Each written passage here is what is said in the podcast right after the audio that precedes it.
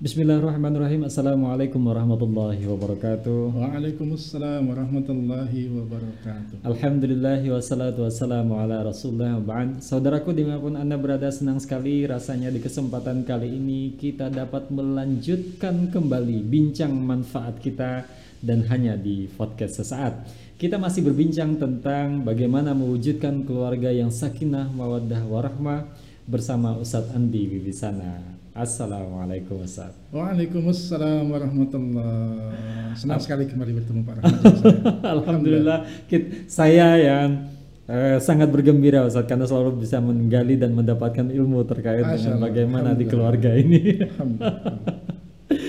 Ustadz, kita masih membahas tentang lanjutan dari episode-episode sebelumnya, bagaimana bisa mewujudkan baiti jannati, goal kita gitu ya. Keluargaku adalah surgaku gitu. Walaupun itu hanya terkait dengan aspek eh, apa namanya? kerumah tanggaan kita. Tapi mudah-mudahan dampaknya luar biasa Ustadz. Beberapa waktu yang lalu kembali kita apa mana menengok sedikit ke belakang terkait dengan yang sudah kita bahas atas unsur pembentukan kebahagiaan itu karena kita kan ingin bahagia gitu ya. Betul. ya. Yang pertama keterarahan yaitu visi misi dalam berumah tangga kita. Yang kedua terkait dengan harmoni sudah kita bahas so ada empat aspek di dalamnya yeah. uh, fisik, psikis gitu ya, sosial dan uh, dakwah itu sendiri yang membedakan kita dengan uh, membedakan kita sebagai orang mukmin dan uh, yang lainnya. Uh, yang ketiga ada unsur konsistensi. Nah, ini yang ingin kita dalami lebih jauh terkait dengan apa yang dimaksudkan kos, konsistensi di dalam baik, baik. apa namanya pembentuk kebahagiaan itu sendiri. sama-sama uh, kita mafhum kalau menggunakan bahasa Al-Qur'an maka yang dimaksudkan dengan konsistensi di sini adalah istiqomah. Istiqomah. Hmm. Ternyata kalau dimaksudkan dengan uh, kosakata istiqomah itu bukan istilahnya istiqomah dengan pasangan yang hanya itu-itu saja, bukan ternyata. Maksudnya? Bukan berarti kita tidak boleh setia dengan pasangan berarti ya. Aha. Tetapi ternyata yang diistiqomah itu adalah prinsip-prinsipnya. Istiqomah oh. dengan prinsip-prinsip yang sudah kita pancang te dengan tegak pada pembahasan yang sebelumnya. Uh, mohon maaf, artinya ketika prinsip itu ternyata tidak seiring sejalan setelah perjalanan beberapa waktu. Nah, itu itu yang menjadi potensi kendala dan bahkan bencana nantinya. Oh, Oke, okay. baik. Oke, okay. lanjutkan dulu Ustaz sebelum kita baik, sebelum baik, kita baik, bahas ke situ. Uh, jadi rupanya di dunia ini sedikit orang yang mampu dengan baik dan optimal memfungsikan akalnya. Hmm. Di antara orang yang berakal sedikit yang mereka itu beriman. Di antara yang beriman, sedikit yang mampu imannya itu muncul amal salih.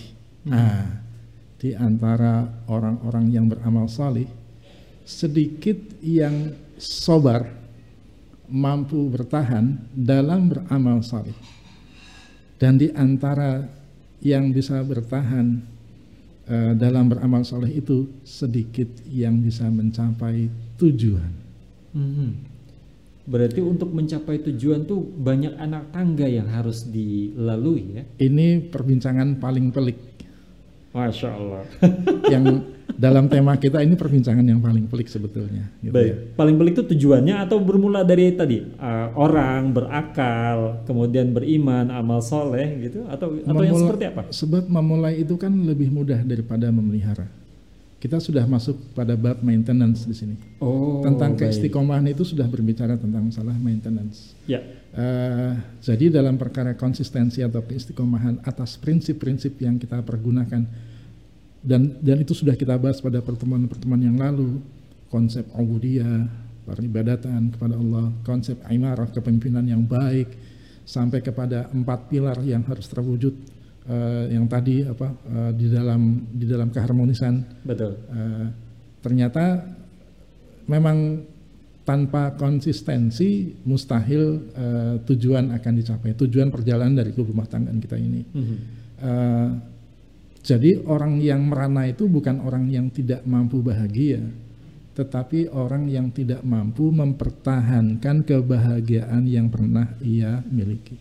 Itu merana ya? Iya. Tidak berhasil mempertahankan kebahagiaan. Uh, jadi tidak ada orang yang tidak bahagia. tidak ada orang yang tidak pernah berbahagia. Semua orang itu pernah berbahagia, Walaupun tetapi tidak tidak tidak lama, tidak Ah, panjang gitu ya. Yang banyak adalah orang yang tidak mampu mempertahankan kebahagiaan. Hmm, Iya. Menjadi pengantin baru pasti bahagia. betul. Iya. Tetapi mempertahankan eh, kebahagiaan itu bukan berarti suasananya jadi harus pengantin baru sampai seumur hidup tentunya. Betul, betul. Itu yang tidak mampu banyak orang mempertahankannya. Lantas sampai dan sampai ya, ya sampai-sampai seperti apa ada lagunya ya. Mengapa kemesraan ini harus cepat berlalu? Oh gitu ya. benar benar. Iwan Fals itu. Iwan Fals. Iwan Fals. Iwan Fals dan Raffi Kaduri. Ya, iya. Jadi rupanya Ketahuan umur deh kalau bahas itu kita. Iya pasti yang generasi, Generasi 2000 ke tahun 2010 ke sini pasti nggak pernah tahu. Enggak enggak tahu itu. Iya, iya. Jadi memang Pak Rahmaji eh, kekuatan eh, yang harus ada untuk bisa memunculkan eh, konsistensi ini memang butuh effort yang tidak kecil. Pelaku rumah tangga harus memiliki kekuatan akal. Berarti mereka adalah orang-orang yang memiliki prinsip atau bahkan bisa melahirkan prinsip-prinsip. Kemudian eh, mereka adalah orang juga yang juga me- memiliki kekuatan kehendak. Dalam artian bukan sekedar eh, apa keras kepala bukan, tetapi orang yang eh, kukuh, eh, sabat ya, teguh dengan dengan prinsip yang dianutnya dan eh, gigih dalam menggapai tahapan-tahapan guna mencapai tujuan yang paling ujung tadi. Kemudian yang tidak kalah juga eh, harus dimiliki adalah kekuatan karakter. Kekuatan karakter. Di mana kita eh, bisa dengan mudah membedakan mana orang yang kelas kepala gitu ya, mana orang yang tadi sahabat kuat pendiriannya gitu, eh, iktikatnya luar biasa eh, kuat gitu. Dalam hal apa kita bisa melihat, oh ini sih ini keras kepala nih, nah si- yang yang se- ini nih memang Baik, baik, kokoh baik. pendiriannya Iya. gitu. Baik, eh, memang tipis pembedanya, tetapi tetap berbeda bahwa orang-orang yang memiliki prinsip-prinsip dan bersikukuh dengannya, bukan orang yang degil keras kepala, Hmm. itu membedakan justru ketika dia eh, berada di tengah lingkungan masyarakat manusia. Orang-orang yang dia terbiasa istiqomah dengan prinsip, saya sudah menggunakan istiqomah aja deh ya. Baik, baik. Orang yang istiqomah dengan prinsip ini adalah orang yang terbiasa eh, bisa membedakan, terbiasa bisa membedakan mana perkara-perkara yang sawabit, yang prinsipal, yang absolut harus dipertahankan, dan mana perkara-perkara yang tidak prinsipal, Hmm. eh, perkara yang mutaghayirat. Perkara yang prinsipal itu contohnya yang paling gampang, rukun iman Oke. rukun Islam itu prinsipal.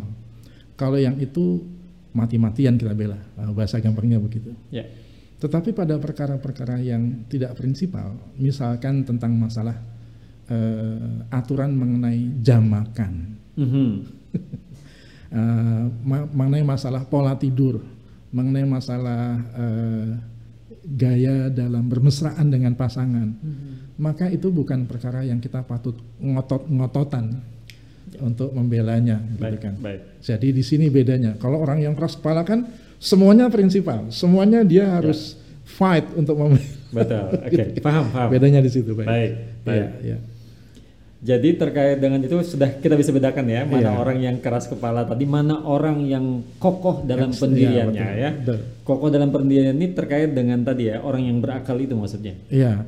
Jadi memang kelihatan sekali Pak kalau orang yang terbiasa berinteraksi dengan uh, kalam Allah Al-Qur'an bahkan mengenyam dan mencerna banyak sekali unsur bentukan-bentukan dari ta- takdib ya, pengajaran uh, dari Al-Qur'an pasti akan sampai ia pada suatu kualifikasi pribadi yang diawali dengan sehat jiwa, eh, bening nuraninya dan yang tidak kalah adalah tadi mereka adalah orang-orang yang kokoh, orang-orang yang tangguh, bukan sekedar berakal.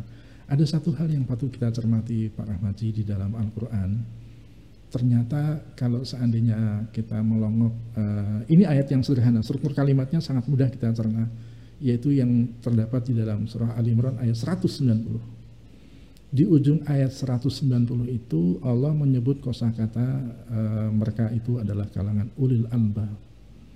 Nah, di ayat 191-nya Allah menjelaskan kriteria siapakah itu ulil albab, orang yang cendikia. Orang yang zaki, orang yang akalnya itu hidup mem, apa berpendar menyala gitu ya.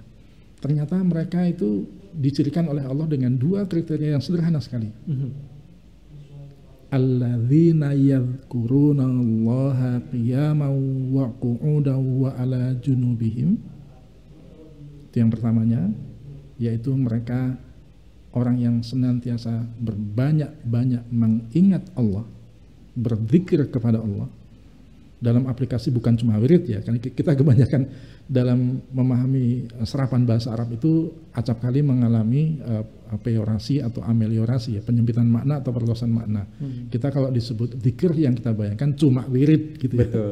Padahal zikir itu kan bisa bentuknya sholat, bisa bentuknya riset uh, apa riset tentang uh, alam dan sebagainya. Ya, jadi mereka itu orang yang senantiasa berbanyak-banyak mengingat Allah Ta'ala dalam berbagai keadaan. Berdiri, duduk, berbaring. Padahal kalimat berdiri, duduk, berbaring itu mengajak kita merenung. Episode hidup kita 24 jam itu mana ada yang posisinya tidak dalam keadaan berdiri, duduk, berbaring. Betul. Berarti menunjukkan mereka berzikir pada batasan waktu yang tak hingga. Dalam pengertian senantiasa urusan keseharian mereka itu terhubung dengan Allah Ta'ala itu ciri pertama orang yang cendekia. Uh, ciri keduanya baru Pak. Walladhi uh, wa ala rabbihim yatawakkalun. Oh, bukan. Wa yatafakkaruna ya.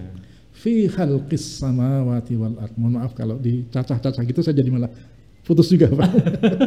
Maklum banyak maksiatnya. Jadinya banyak lupanya. Uh, ciri yang kedua adalah mereka senantiasa tafakkur uh, kosakata huruf tak di sini menunjukkan jumlah yang kerap, frekuensi yang sangat sering.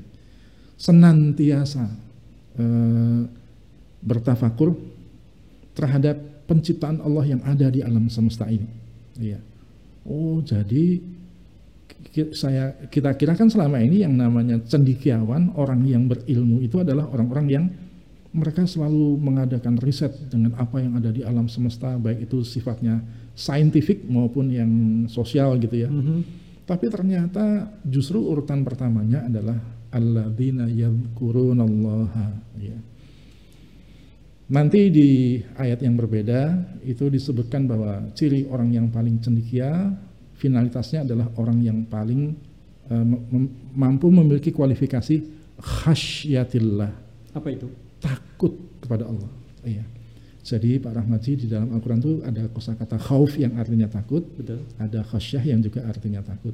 Kalau khauf itu biasanya Allah pergunakan untuk kaitannya dengan takut hewan buas, takut dengan bencana, takut Oh, yang dengan, manusiawi ah, lah ya, yang manusiawi. Takut yang fitrah. Oke, okay, yang fitrah. Tapi kalau khusus takut kepada Allah, hmm. itu Allah pergunakan kosakata khasyah.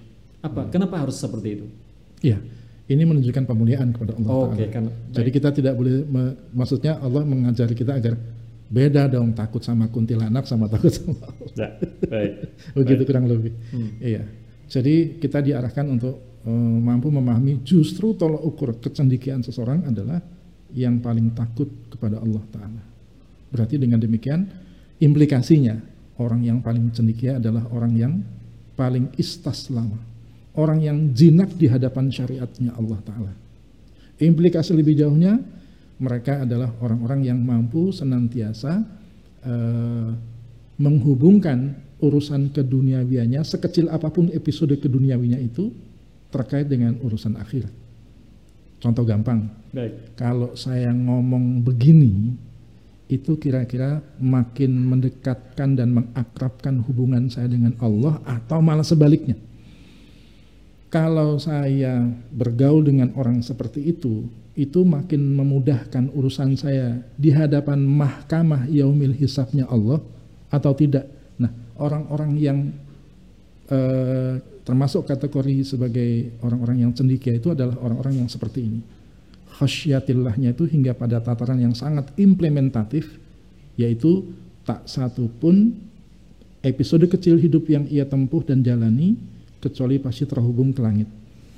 Dialektika berpikir seperti itu adalah dialektika orang yang cendikia, orang yang berakal, Baik. orang yang sebetulnya yang saya jelaskan tadi itu bukan orisinil dari ide saya itu Pak Rahmati, tapi itu saya dapatkan dari eh, cuplikan autobiografi kecil dari Sayyidina Abu Bakar As-Siddiq radhiyallahu an yang terdapat di dalam kitab Tarikh Khulafa'nya Imam Syaukani. Eh, maaf Imam As-Suyuti.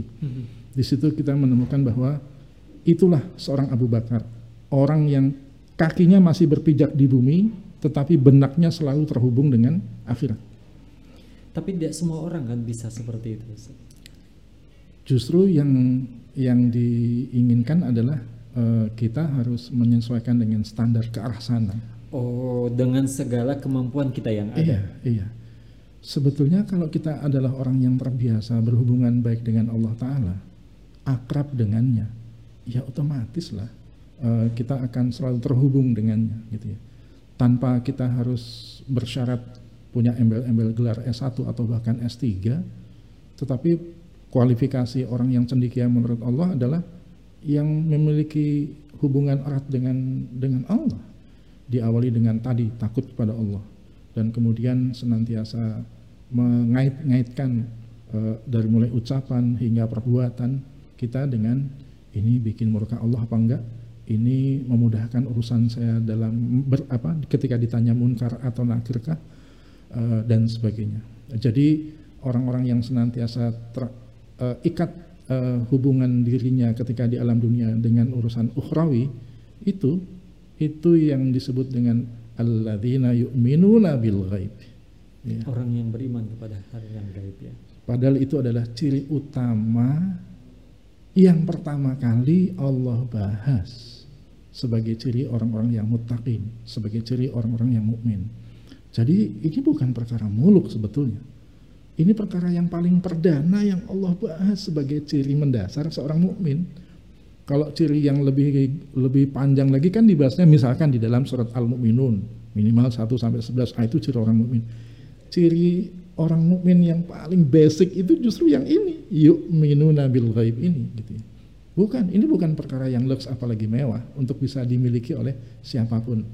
Jadi ternyata kalau ukur kecerdasan akal sebagai bahan baku agar kita bisa mampu menjadi orang yang konsisten itu adalah ketika senantiasa terhubung diri kita dengan Allah dalam bentuk tak ada sekecil pun episode hidup yang kita lakoni kecuali ia terkait dengan urusannya dengan Allah Ta'ala kelak. Begitu. Tapi kan terkadang hari-hari yang kita lewati bisa saja kita uh, terpeleset ya, walaupun mungkin tidak sepanjangnya, ada waktu-waktu tertentu yang kita masuk dalam kategori kemaksiatan. Nah, bagaimana dengan hal itu?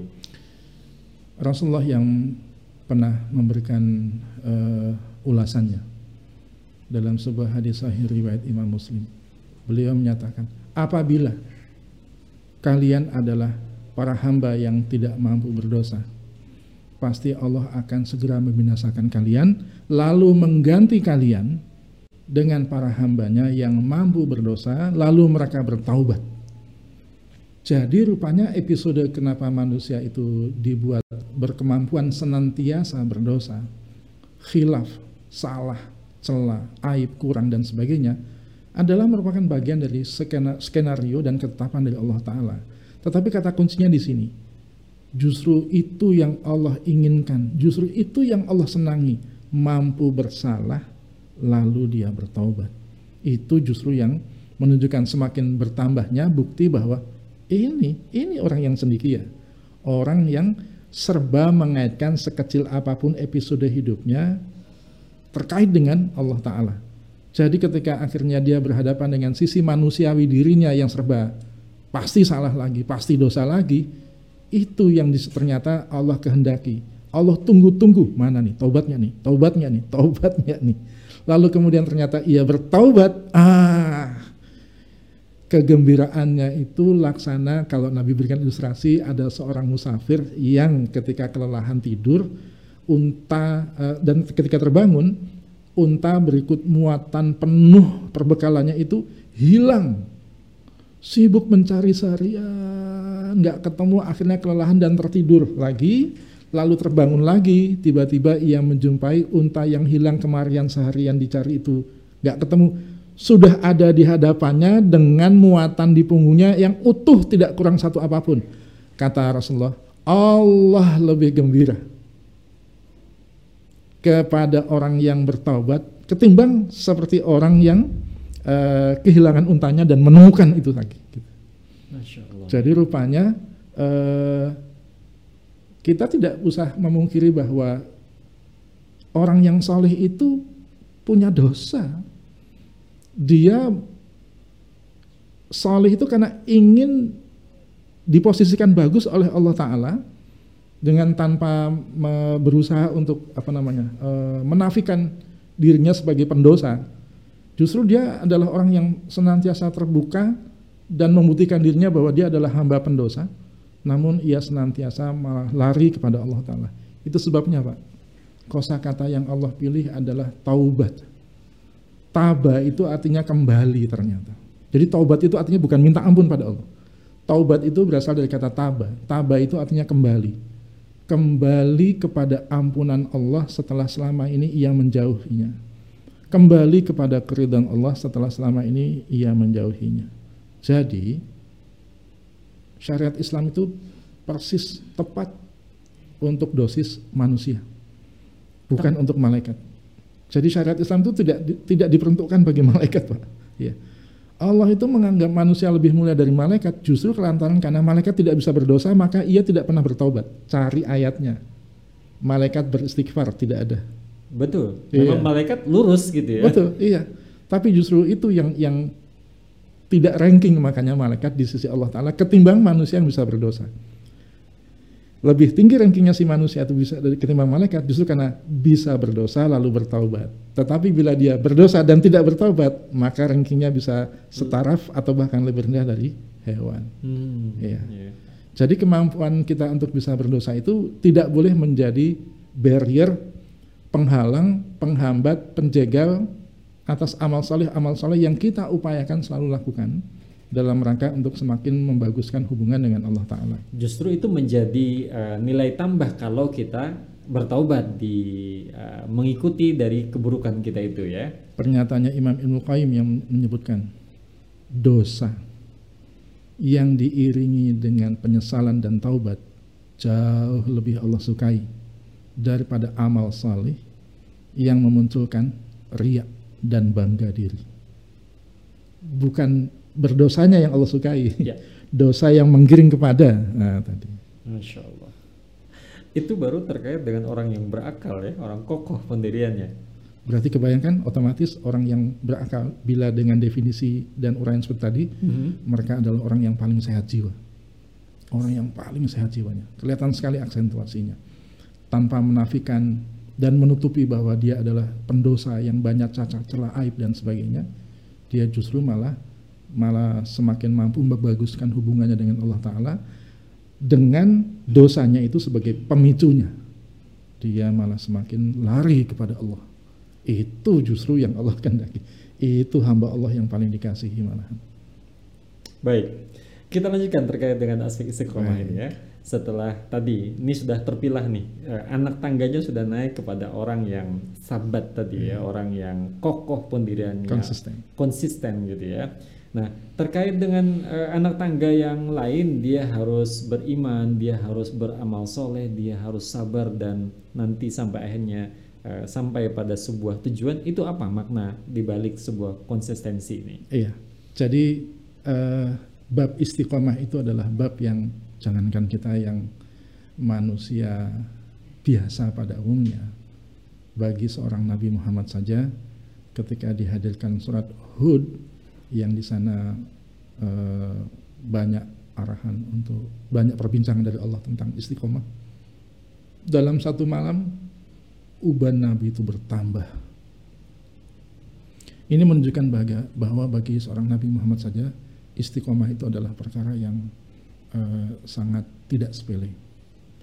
Di lain contoh,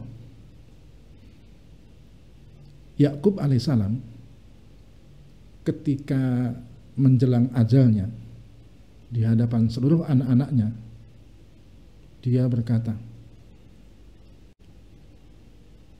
"Sepeninggalku nanti kalian menyembah apa?" Bayangkan, Pak. Sebagian dari anak-anaknya itu nabi. Tetapi wasiatnya sang ayah yang nabi pula ini itu bukan tentang pembagian waris misalkan. Tentang wasiat petuah ini itu enggak yang dia angkat dalam keterbatasan nafas yang tersisa itu hanyalah sepeninggalku nanti kalian menyembah apa. Rupanya kalimat tadi itu bukan untuk dijawab oleh anak-anaknya kalimat tadi itu justru adalah sebuah teguran yang mengokohkan tentang orientasi. Justru warisan yang paling utama dimiliki dari seorang ayah atau ibu orang tua kepada anaknya adalah warisan peribadahan kepada Allah Ta'ala. Bayangkan, akhir hayat perbincangannya tentang kalian menyembah apa. Ini kan wujud sebuah keistiqomahan wujud sebuah konsistensi, wujud apa ya, kekeras kepalaan terhadap prinsip tadi. Ya, betul. iya, betapa terserah kalian mau jadi apa dalam profesi kalian, terserah kalian mau menggeluti apa sebagai dunia dan kehidupan kalian, perhiasan dunia kalian. Yang prinsipal adalah kalian menyembah Allah. Iya. Ini adalah contoh ilustrasi betapa keistiqomahan itu uh, perkara yang uh, menyebutnya mudah namun menjalaninya butuh unjuk uh, unjuk kinerja ya. Unjuk kinerja yang tidak kalah uh, handalnya. Satu contoh demi satu contoh memiliki kelebihan dan kekurangan. Nah, namun saya yakin dengan dua contoh barusan ada benang merah yang sama bisa kita tarik sebagai penghubung. Artinya apakah kita diajarkan ya seperti itu bahwa ketika akan meninggal yang diupayakan untuk berpesan kepada anak-anak itu justru bukan semata tentang iya. warisan, tapi tentang keistiqomahan di jalan Islam ini. Iya, saya sangat setuju Pak Rahmaji kalau uh, Pak Rahmaji muncul ide baik seperti tadi bahwa justru sebagai kalimat termasuk bagian dari kalimat akhir uh, di penghujung ajal kita malah justru berwasiat sepeninggalku nanti kalian anak-anak kalian menyembah apa? Apakah kalian menyembah Allah atau yang lainnya? Wah, kalau saya mungkin tidak sebijak uh, Nabi Yakub. Saya akan tanya satu-satu, nyembah apa kamu? nyembah apa kamu? harus ada jawabannya. Kalau Nabi Yakub tidak perlu dijawab. Ya. Kalau saya harus ada jawabannya. Allah. Apakah dengan begitu uh, kita yang akan meninggal terbebas dari sebuah kewajiban untuk meninggalkan generasi yang uh, apa namanya uh, apa namanya untuk mengarahkan generasi kita untuk iya. senantiasa taat kepada Allah. Uh, kebetulan yang tadi itu hanyalah satu episode kecil di bagian penghujung akhir masa hidupnya. Betul. Uh, tentu yang tidak kalah juga harus kita mampu wujudkan adalah bukan saja di episode akhir tapi justru di, dari episode dari awalnya awal, kan ya. Betul, ya. ya uh, ada satu hal yang menarik nih Pak Rahmaji ketika uh, mungkin Pak Rahmaji punya bukunya ketika saya berkunjung saya pernah melihat buku itu ada di rak bukunya Pak Rahmaji apa itu bukunya judulnya judul aslinya Tarbiyatul Aulad lil Islam uh, pendidikan anak-anak uh, iya uh, Dr. Abdullah Nasi Ilwan ya kayaknya terjemahnya saya. dua jilid ya. kayaknya ada kayaknya ya. ada ternyata justru eh, konsistensi kita dalam menegakkan syariat Allah ini itu dalam rumah tangga itu justru bukan seperti episode Nabi Yusuf yang hanya pas akhirnya saja. Ya. Kalau itu bukti bukti apa kesinambungan atau konsistensi dalam dan berkesinambungannya. Tetapi justru eh, kondite bagusnya tegak syariat Allah dalam rumah tangga itu diawali dengan mencari siapa yang menjadi ibu dari anak-anak kita. Jadi pendidikan Islam itu ternyata bukan diawali dengan dari rahim, oh, dari usia 0 sampai 3 tahun yang katanya itu golden age gitu ya. Betul. Tapi ternyata justru dimulai dari memilih siapa yang akan menjadi ibu dari anak-anak saya kelak Baik, terkait dengan memilih pasangan agar kita bisa konsisten untuk menghasilkan keluarga yang yang kita ideal ya, yang yang ideal bagi kita. Uh, bukan terkadang ya, mungkin kebanyakan kita termasuk saya ketika memilih uh, apa namanya pas, pasangan. calon pasangan kita di awal tuh lebih kepada apa yang terlihat oleh kita, ketertarikan oleh kita, belum bisa melihat lebih jauh gitu ya kalau mungkin terhadap aspek agama sebagai tadi sebagaimana dijelaskan itu unsur utama pemilihan, insya Allah iyalah itu patokan kita kan. Tapi hal-hal yang lain kita lebih kepada aspek fisik dan yang terlintas oleh kita saat itu ketertarikannya. Bagaimana nih uh, Pak Andi kacamata kita memandang agama, uh, memandang memilih calon dari aspek agama kita? Ya, uh, ini adalah perkara yang masih sangat erat kaitannya dengan masalah konsistensi atau keistiqomahan. Mm-hmm. Konsistensi atau keistiqomahan atas prinsip-prinsip uh, syariat uh, dari agama kita ini. Mm-hmm. Uh, manakala kita lebih mengedepankan kriteria berdasarkan syariat ketimbang kriteria pribadi, lebih mengedepankan aspek uh, uh, kualifikasi diniah kepada calon pasangan ketimbang pada kualifikasi like or dislike-nya diri gitu ya. Mm-hmm. Nah itu sebabnya kaitannya dengan uh, kualifikasi diniyah ini itu yang menjadi arahan dari Nabi kita uh, kata beliau Sallallahu Alaihi Wasallam uh, dinikahi wanita itu kan empat hal karena kecantikannya, karena nasabnya dan karena hartanya. Namun nikahilah wanita karena dinnya ternyata yang dimasukkan dengan dinnya itu bukan sebatas sama beragama muslim, beragama Islam, tetapi tetapi kualifikasi seberapa tegak din itu ada pada dirinya. Jadi kualifikasi okay. bukan sebatas status dia seorang muslim muslimah atau tidak, uh, atau tidak oh. tetapi kualifikasi diniahnya.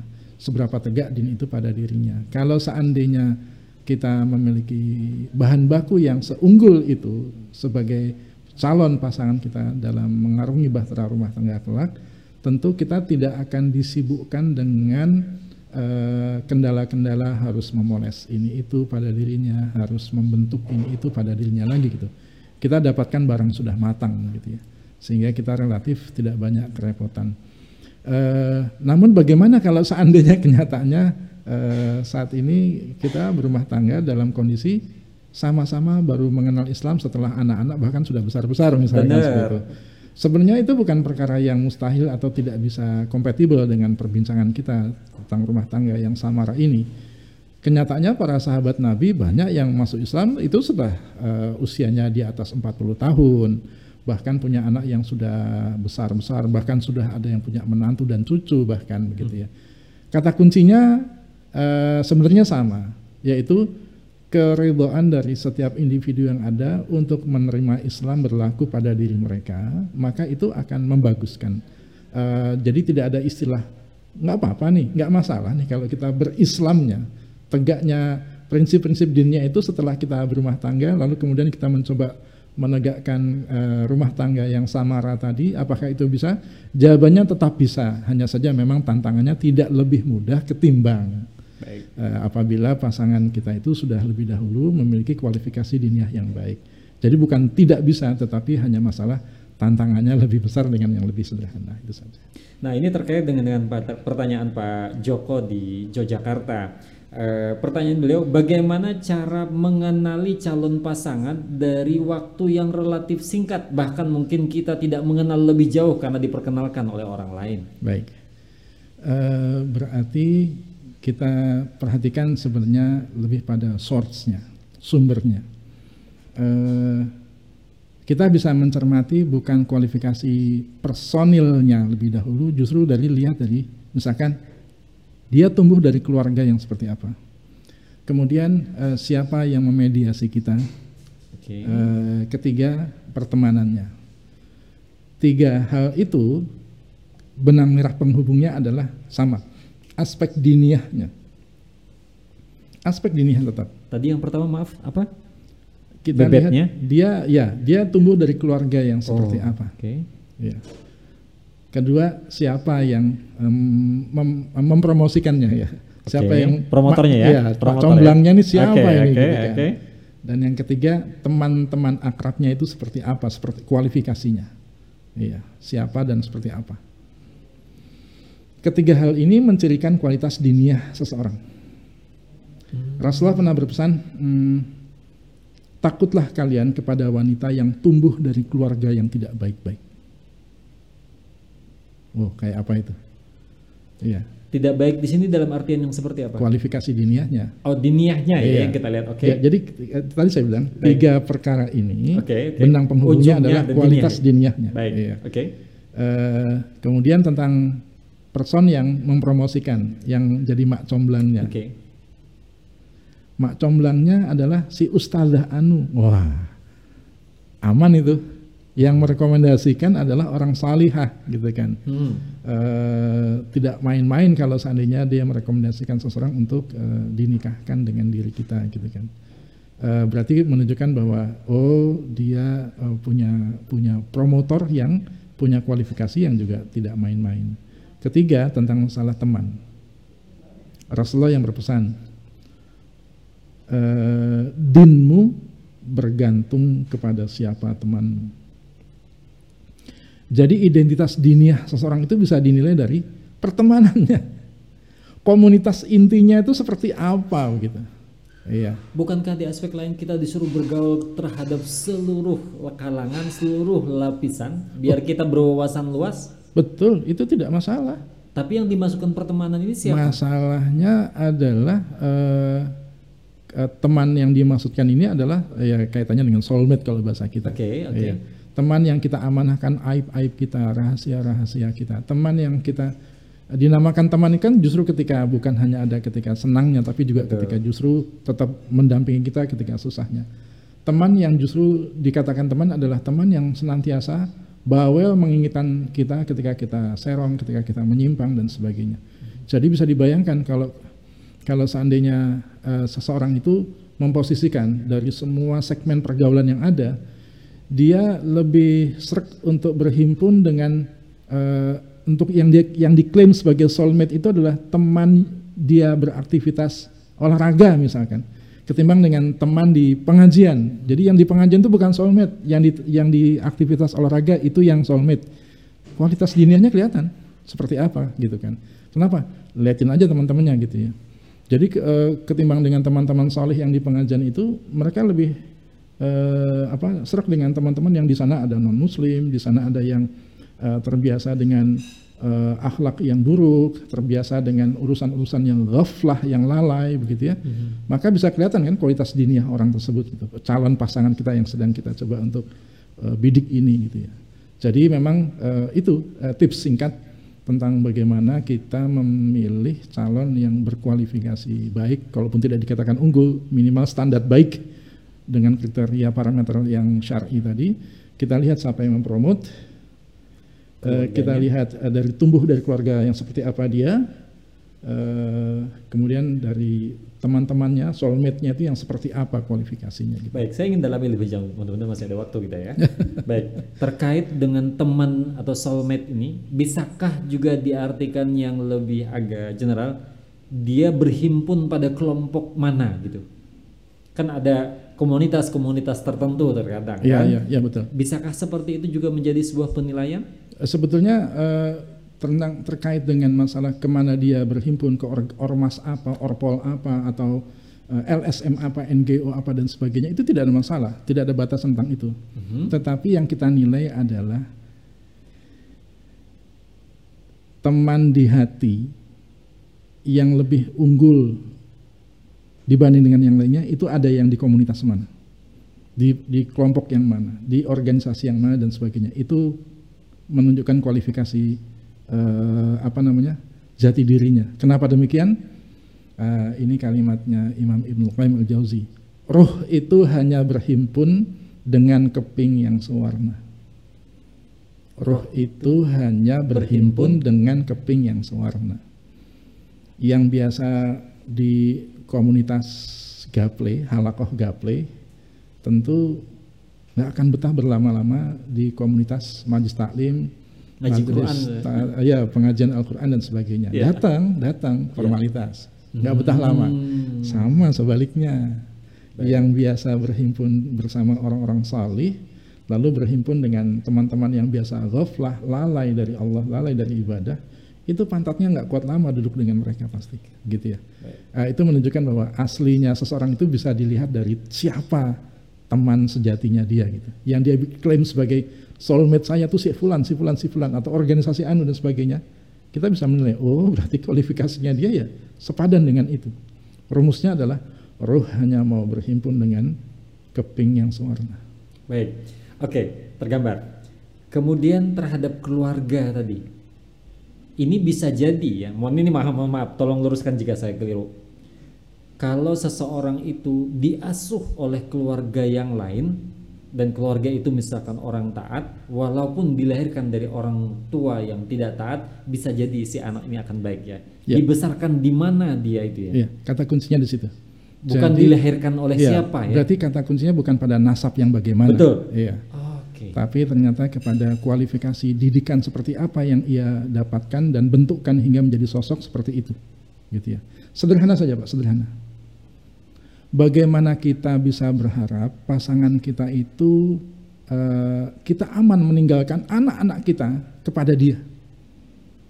Kalau ternyata dia adalah orang yang ketika kecilnya pun dia tidak terbiasa dibangunkan atau membangunkan untuk sholat. Saya nggak bakal aman kalau seandainya saya adalah orang yang terbiasa berkhidmah kepada Allah, mengibadahi Allah dan sebagainya.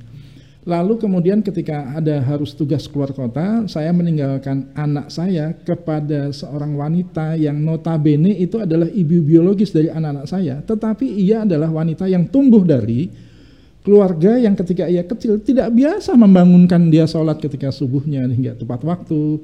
Atau mengingatkan eh ini sudah jam berapa nak? Sudah adzan tuh ayo kita sholat buru-buru wudhu dan sebagainya kalau ia adalah uh, pasangan yang dari kecilnya tidak mengenal itu bagaimana bisa saya merasa aman anak-anak saya akan disikapi sebagaimana yang dikehendaki oleh saya tadi gitu Iya. Tapi di dalam keluarga kan ada proses perubahan orang untuk menuju kepada yang lebih baik lagi. Iya betul, itu yang tadi saya katakan bisa dibayangkan kalau seandainya, Iya, paham, paham. ya, Baik. kalau seandainya dia adalah bukan berasal dari keluarga yang saleh tadi, ya kebayang Iya. bahwa, waduh, Prosesnya saya harus lebih- membentuknya lebih panjang ini, Hmm. gitu kan. Tahapan-tahapan yang semestinya prestisius hingga menjadi eh, rumah tangga yang barokah karena kemaslahatannya, kesalihan-kesalihannya bisa kita cipratkan kepada lingkungan masyarakat manusia sekitar itu jadi agak tertunda lebih ke belakang sedikit ketimbang kalau seandainya kita sudah memiliki pasangan dengan bahan baku tanda kutip yang berkualitas unggul tadi. Eh, mohon maaf sekali. Artinya kalau misalkan kita dipertemukan nih, eh, kalaupun kita sudah jalan, mungkin nanti keluarga kita dan lain sebagainya, atau mungkin pasangan-pasangan yang akan, ah, bukan pasangan ya, orang-orang yang lagi mencari pasangan hidupnya dipertemukan atau oleh eh, seseorang gitu untuk diperkenalkan, maka ketiga hal tadi memang berhak untuk diketahui oleh kedua belah pihak calonnya. Betul, betul. Sekalipun kita karena tidak lewat fase pacaran, Oke. maka kita rumit untuk menemukan katakanlah tidak mengenal lebih jauh dan memang Islam juga sangat mencegah yang namanya apa beli kucing dalam karung istilahnya Ya. maka dengan cara apa lagi kita bisa bertaaruf kepada yang bersangkutan kecuali dengan eh, oke dengan taaruf yang sesuai dengan arahan dari agama yaitu eh, tidak berpacaran kemudian bertemu hanya untuk mengenal dari mulai awalnya fase biodata misalkan sampai kepada eh, pertemuan bukan empat mata tapi bisa jadi delapan mata Ya. Eh, saya didampingi oleh ustadz saya beliau didampingi oleh ustadzanya misalkan atau dengan keluarga besarnya Ya. Eh, itu mekanisme yang tetap eh, standar harus ada. Tetapi kan kurang informasi dan data yang masuk. Betul. Maka kita harus bisa menilai dari tadi tiga yang tadi. Keluarganya seperti apa? Kemudian siapa promotornya? Yang ketiga eh, siapa soulmate-nya itu siapa? Perteman pertemanannya itu di mana gitu. Artinya ada aspek spy juga kita di situ ya. Setelah tahu Boleh. itu kita mencari informasi sebanyak-banyaknya terkait tercatat di dalam aduh ya Allah oh kitabnya Imam As-Sun'ani itu eh, Subulus Salam oh syarahnya juga saya dapatkan di beberapa referensi fikih lainnya terkait dengan fikih munakat yaitu adanya investigasi para sahabat terhadap calon yang dia cari kalau laki-laki menginvestigasi orang perempuan, nanya, nanya, nanya, nanya sana sini, itu nggak rikuh. Yang repot kalau sebaliknya, ya kan? Betul. Bagaimana kalau si si yang hendak mencari tahu ini Hmm. adalah seorang wanita yang pengen tahu. Katanya ada laki-laki yang pengen menikahi saya, sudah pernah omong-omong dengan abang saya. Itu orangnya kayak apa ya? Cukup nanya ke abang saya pasti isinya "Eh, dia orang baik. Ya. Tapi lebih detailnya bagaimana? Saya harus cari bagaimana. Maka kemudian ada seorang sahabi ya yang ketika hendak eh, tahu mengeta- mencari tahu seperti apa kualifikasi eh, orangnya itu, dia bahkan minta ditunjukkan. Eh, jadi ketika eh, wanita ini ada di atas balkon rumahnya, dia tanya sama abangnya, yang mana orangnya? Abangnya nunjukin, tuh tuh, tuh. Di toko yang di ujung pasar itu tuh, orangnya yang itu. Nah, terus kemudian selesai orangnya berlalu eh, berlalu, lalu dia eh, bisa menjelaskan, tuh kan wajahnya kayak begitu, tingginya segimana? Yuk kita lihat di toko yang tadi dia bersender di sini, kita garisi ya, patokannya di situ ya. Oh tingginya sekian, sampai begitu. Oh. Jadi eh, karena zaman itu kan tidak biasa yang namanya bertatap wajah langsung, apalagi dalam tempo yang berdua dengan cara yang berduaan dan sebagainya, maka untuk bisa mengetahui seperti apa calonnya itu mekanismenya adalah dari jarak jauh ditunjukkan itu orangnya, lihat gaya bicaranya, lihat dia tuh petatang petenteng nggak sama tukang kuli panggul dan sebagainya itu itu eh, bisa dilihat eh, langsung eh, spy catchingnya seperti itu. Baik. Ini nampaknya harus punya bahasan tersendiri ya Wah terkait betul betul. bagaimana cara mengenal pasangan itu tadi ya calon calon pasangan hidup kita Iya. agar kita bisa memperoleh Iya. sesuatu yang Betul, eh, apa namanya yang sakinah mawaddah warahmah lah yang mudah disebutnya gitu ya. Tapi sayang sekali Ustaz Andi kita dibatasi Iya. oleh waktu di kesempatan Betul. kali ini sehingga kita harus menyudahi Baik, kebersamaan bincang manfaat kita ini. Betul betul. Terima kasih banyak sudah uh, terus nantiasa berbagi ilmu buat kita semua. Mudah-mudahan ini Semoga bermanfaat manfaat. buat kita bisa kita terus berupaya untuk memperbaiki memperbaiki pernikahan kita ini Amin, sehingga amin, ya Allah. tercapai tujuan yang benar-benar diridai oleh Allah Subhanahu wa taala. Saudaraku di mana pun Anda berada, Mudah-mudahan dengan bincang manfaat ini senantiasa memberikan wawasan kepada kita untuk mengupgrade terus kualitas keluarga kita agar kebersamaannya tidak saja di dunia tapi kita berharap kebersamaan kita dengan keluarga besar kita sampai nanti di akhirat Amin, kelak. amin, Allah. Kami harus undur diri dari bincang sesaat di kesempatan kali ini. Mudah-mudahan Allah mempertemukan kita kembali di lain kesempatan. Hadanallahu yakum ajmain. Terima kasih banyak. Wassalamualaikum warahmatullahi wabarakatuh. Waalaikumsalam warahmatullahi wabarakatuh. Alhamdulillah.